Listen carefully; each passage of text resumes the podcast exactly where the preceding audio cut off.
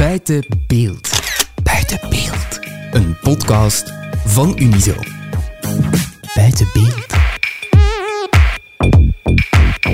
Hey, ik ben Lucas van Unizo en je luistert naar Buiten Beeld. De podcast waarin we kleine en grote verhalen van en voor ondernemers tot bij jou brengen.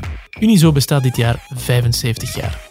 Daarom staat deze aflevering helemaal in het teken van onze ontstaansgeschiedenis. Die loopt van de Gentse binnenstad over de Eerste Wereldoorlog helemaal naar het uiterste zuiden van ons land, naar de bierbrouwerij Van Orval. Zet je hoofdtelefoon op en laat je meevoeren door het inspirerende verhaal van Unizo-stichter Karel van der Kruisen.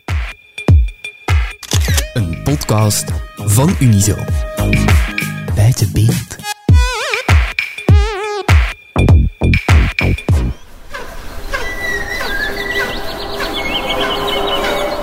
In de zomer van 1926 gonst het in het Waalse dorpje Orval van de bedrijvigheid. Vrachtwagens rijden af en aan met bouwmaterialen voor een van de grootste bouwwerven die het kleine dorp ooit gekend heeft. Want de oude Cisterciënzer-abdij, die Napoleon in 1793 met de grond gelijk heeft gemaakt, wordt eindelijk weer opgebouwd. De man die daarvoor het initiatief heeft genomen, pater Marie Albert, is pas zeven jaar eerder tot de orde toegetreden. Gekleed in zijn habit en scapulier ziet hij er op het eerste zicht niet anders uit dan alle andere monniken die er rondlopen. De eretekens die hij als een van de grootste Belgische oorlogshelden ooit opgespeld kreeg, draagt hij niet meer. Alle gebouwen die hij bezat, een halve straat vol, heeft hij weggeschonken, ter voorbereiding op een nieuw leven als monnik. Voor hij intrad was Marie Albert ondernemer. En ondernemer ben je niet van 9 tot 5, dat ben je in hart en nieren. Ook in het klooster. Dus wanneer de renovatieplannen voor de abdij op tafel liggen en de financiering geregeld moet worden, doet Marie Albert wat hij het beste doet. Zijn zakentalenten aanwenden voor het algemeen belang. Dat deed hij ook al in zijn burgerlijk leven, toen hij nog gewoon Karel van der Kruisen heette. Want hij ligt aan de basis van de eerste echte ondernemersvereniging van België. En dus ook aan de basis van Unizo. In 2023 is het exact 75 jaar geleden dat Unizo het levenslicht zag. Want in 1948 schoot het NCMV, het Nationaal Christelijk Middenstandsverbond, uit de startblokken. Daarom gingen Petrus Thijs, de oudste nog levende CEO van NCMV, Die publiceren. en Danny van Assen, de huidige CEO van Unizo, Perfectie is niet aan mij besteed. Samen met de ervaren gids Ivan Sarens in Gent op zoek naar overgebleven sporen van Karel van der Kruisen. Maar wat hij gerealiseerd heeft, is een eh, unieke staal van ondernemerschap in zijn leven. Dit is het verhaal van een oorlogsheld, monnik, ondernemer, maar bovenal van de founding father van Unizo.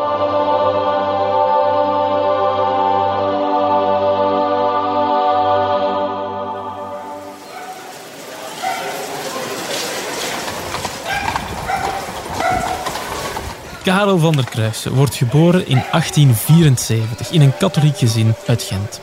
Hij is de zoon van een kleermaakster en een zelfstandige behanger. En wanneer zijn vader overlijdt, neemt hij op zijn zeventiende samen met broer Julien de zaak van zijn vader over. Het zelfstandige bloed stroomt dus door zijn aderen en Karel zal het zelfs op die jonge leeftijd al zijn missie maken om ondernemers bij elkaar te brengen. Wel, voilà, want dat is de reden dat we hier vandaag zitten.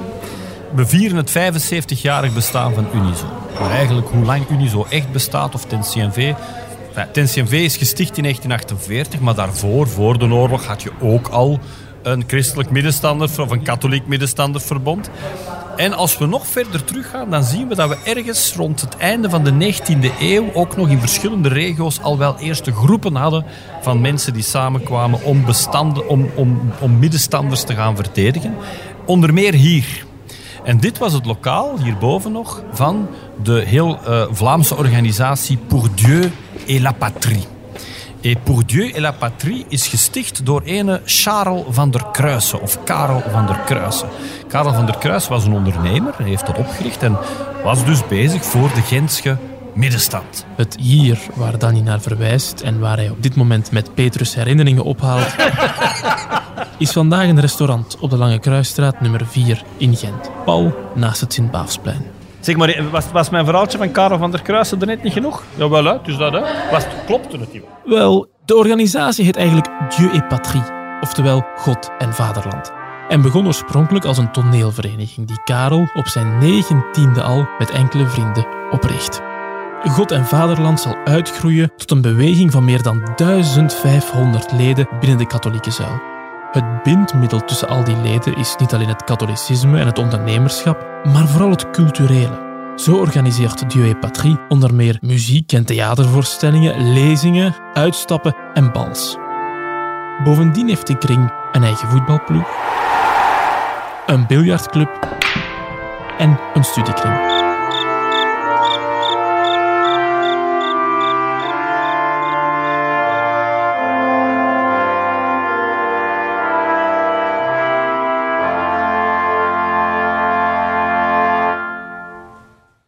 Maar Karel heeft van meet af aan ook politieke ambities met zijn vereniging. Om echt op het beleid te kunnen wegen, staat hij er namelijk op dat zelfstandigen eigen politieke vertegenwoordigers krijgen binnen de katholieke partij. Dat voornemen is echter niet naar de zin van de hoge pieven van de katholieke partij. Want Karel is ook Vlaams gezind en dat ligt toch moeilijk. De katholieke partij weigert dan ook om Karel in 1903 een plek te geven op de verkiezingslijst voor de Gentse gemeenteraadsverkiezingen en ook in 1908 is er voor hem geen plaats op de verkiezingslijst voor de parlementsverkiezingen. Maar Karel geeft niet op. Zo sticht God en Vaderland in 1913 samen met gelijkgestemden uit Antwerpen en Sint-Niklaas het Katholiek Middenstandsverbond van België. Dat moet de tegenhanger van de Belgische Boerenbond worden en eindelijk voor politieke vertegenwoordiging voor zelfstandigen zorgen. Karel van der Kruisen is dus nog lang niet uitgezongen.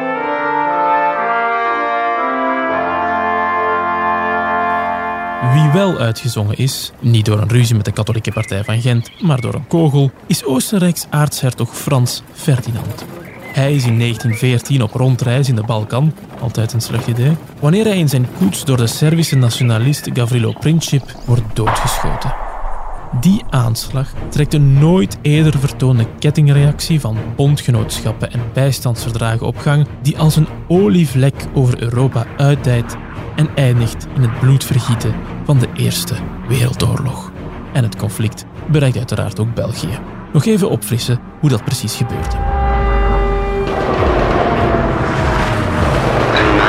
Moord verklaart Oostenrijk-Hongarije de oorlog aan Servië. Een dag later mobiliseert Rusland. Drie dagen later verklaart Duitsland de oorlog aan Rusland. Dezelfde dag mobiliseert Frankrijk. De dag erna eist Duitsland vrije doorgang door België. De dag erna verwerpt België die eis. Diezelfde dag verklaart Duitsland de oorlog aan Frankrijk. En de dag daarna steken de Duitse troepen dan toch de Belgische grens over. Ook ons land is nu in oorlog.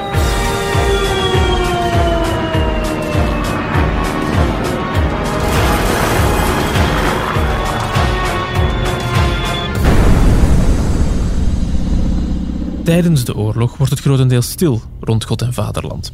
Maar dat komt ook door Karel zelf. Want een ondernemer heeft geen zittend gat. Ook niet in oorlogstijd. Wereldoorlog 1 kwam eraan en engageerde zich bij de genietroepen. En volgens historici is hij bij de top 10 van meest gedecoreerde militairen. Hij was actief bij de genie in Antwerpen, was actief rond, rond de Westhoek. En het einde van Wereldoorlog 1 wordt hij neergeschoten door de Duitsers in Zomergem. Wordt opgepakt, hersteld in een veldhospitaal in Antwerpen, ontsnapt, komt naar Gent en wordt overladen met alle medailles. In die tijd noemden we dat zeven frontstrepen. Een frontstreep kon je in de Eerste Wereldoorlog verwerven als je zes maanden onafgebroken aan het front. Je kon er acht, maximum acht verwerven. Hij heeft er zeven gehaald.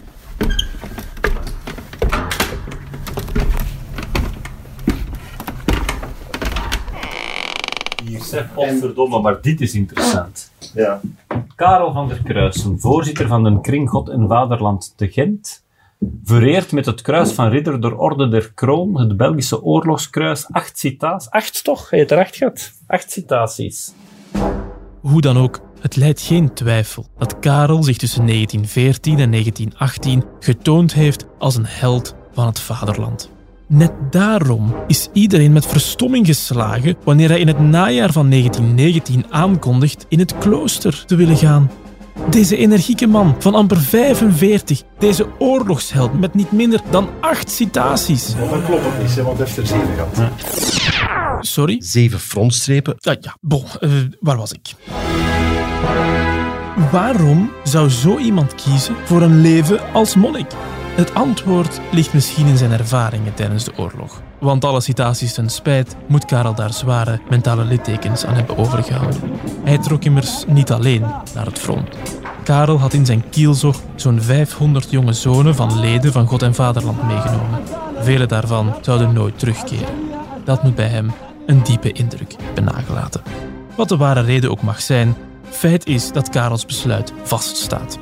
Hij treedt in in het klooster, niet meteen in Orval, maar eerst in Frankrijk. Maar de middenstand die laat hij niet los.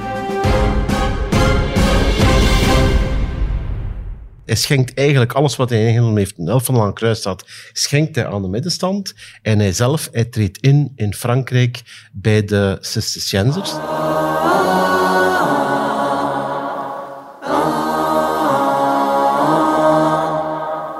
Een, een, een leuk mooi, en mooi detail is dat Karel van der Kruisen, als hij ehm, alle eigendommen geschonken heeft aan de middenstand, dan heeft hij een notariële akte laten maken. En in de notariële akte staat dat God en Vaderland voor eeuwig een ruimte moet beschikken hier in de Landkruisstraat 4. En dat is deze ruimte. Nu, juristen die betwisten natuurlijk het woord voor eeuwig, wat dat juridisch kan. Maar nu al is zo dat er notulen zijn eh, van een notariële akte, dat dus God en Vaderland, die nog altijd bestaat, voor eeuwig over deze ruimte moet kunnen beschikken.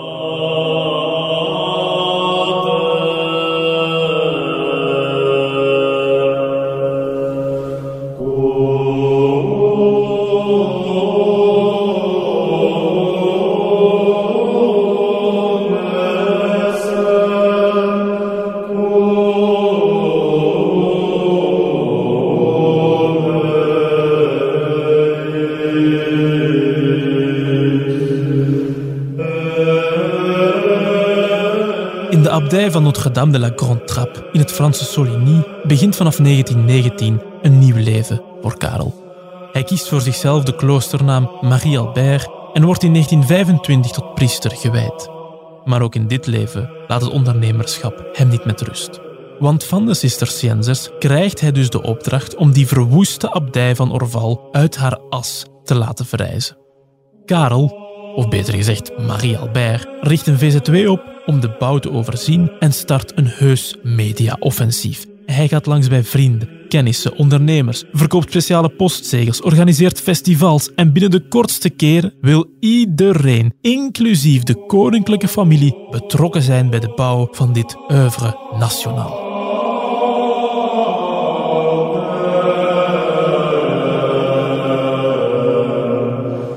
Om de inkomsten verder te spijzen, richt Marie Albert in 1931 de brouwerij en in 1932 de kaasmakerij van Orval op.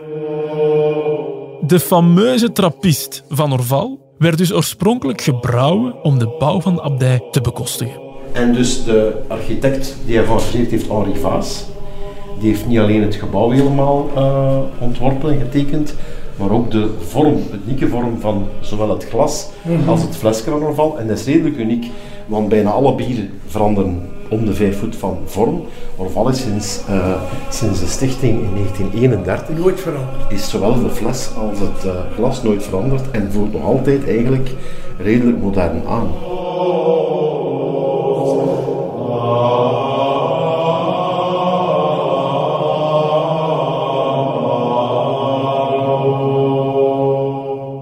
Heropbouw van de abdij van Orval is samen met de bouw van de basiliek van Koekelberg de belangrijkste katholieke bouwonderneming van het interbellum. Lange tijd leven de monniken van Orval dan ook op een immense bouwwerf. Pas in 1948 is de abdij helemaal afgewerkt. Architect Henri Vaas is dan al drie jaar dood. En pater Marie Albert, die werd in 1936 verkozen tot abt van Orval.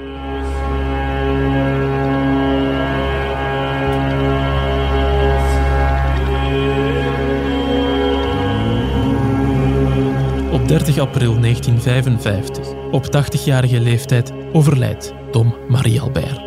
Daarmee valt definitief het doek over de enige militaire middenstandsmonnik die ons land ooit gekend heeft. Marie Albert, alias Karel van der Kruisen, was een man die vele levens leidde.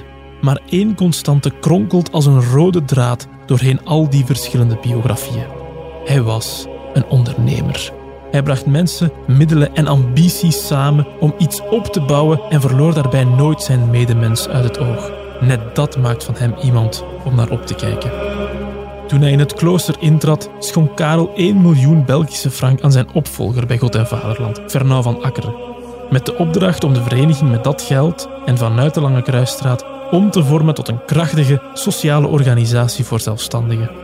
Van Akkeren zou die belofte waarmaken en zich decennia lang blijven inzetten voor de zelfstandige ondernemer. Onder meer als parlementslid en als voorzitter van NCM, de Nationale Confederatie van de Middenstand. In 1948 werd die unitaire organisatie opgesplitst in een Vlaamse en een Waalse tak en kozen de Vlamingen NCMV als naam.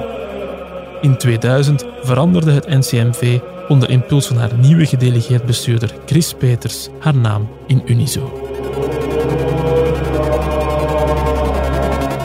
Wil je meer weten over het verhaal van Karel van der Kruisen? Spring dan zeker eens binnen bij Ivan in restaurant De Abt in de Lange Kruisstraat nummer 4 in Gent. En probeer er zeker eens de stoverij Orval.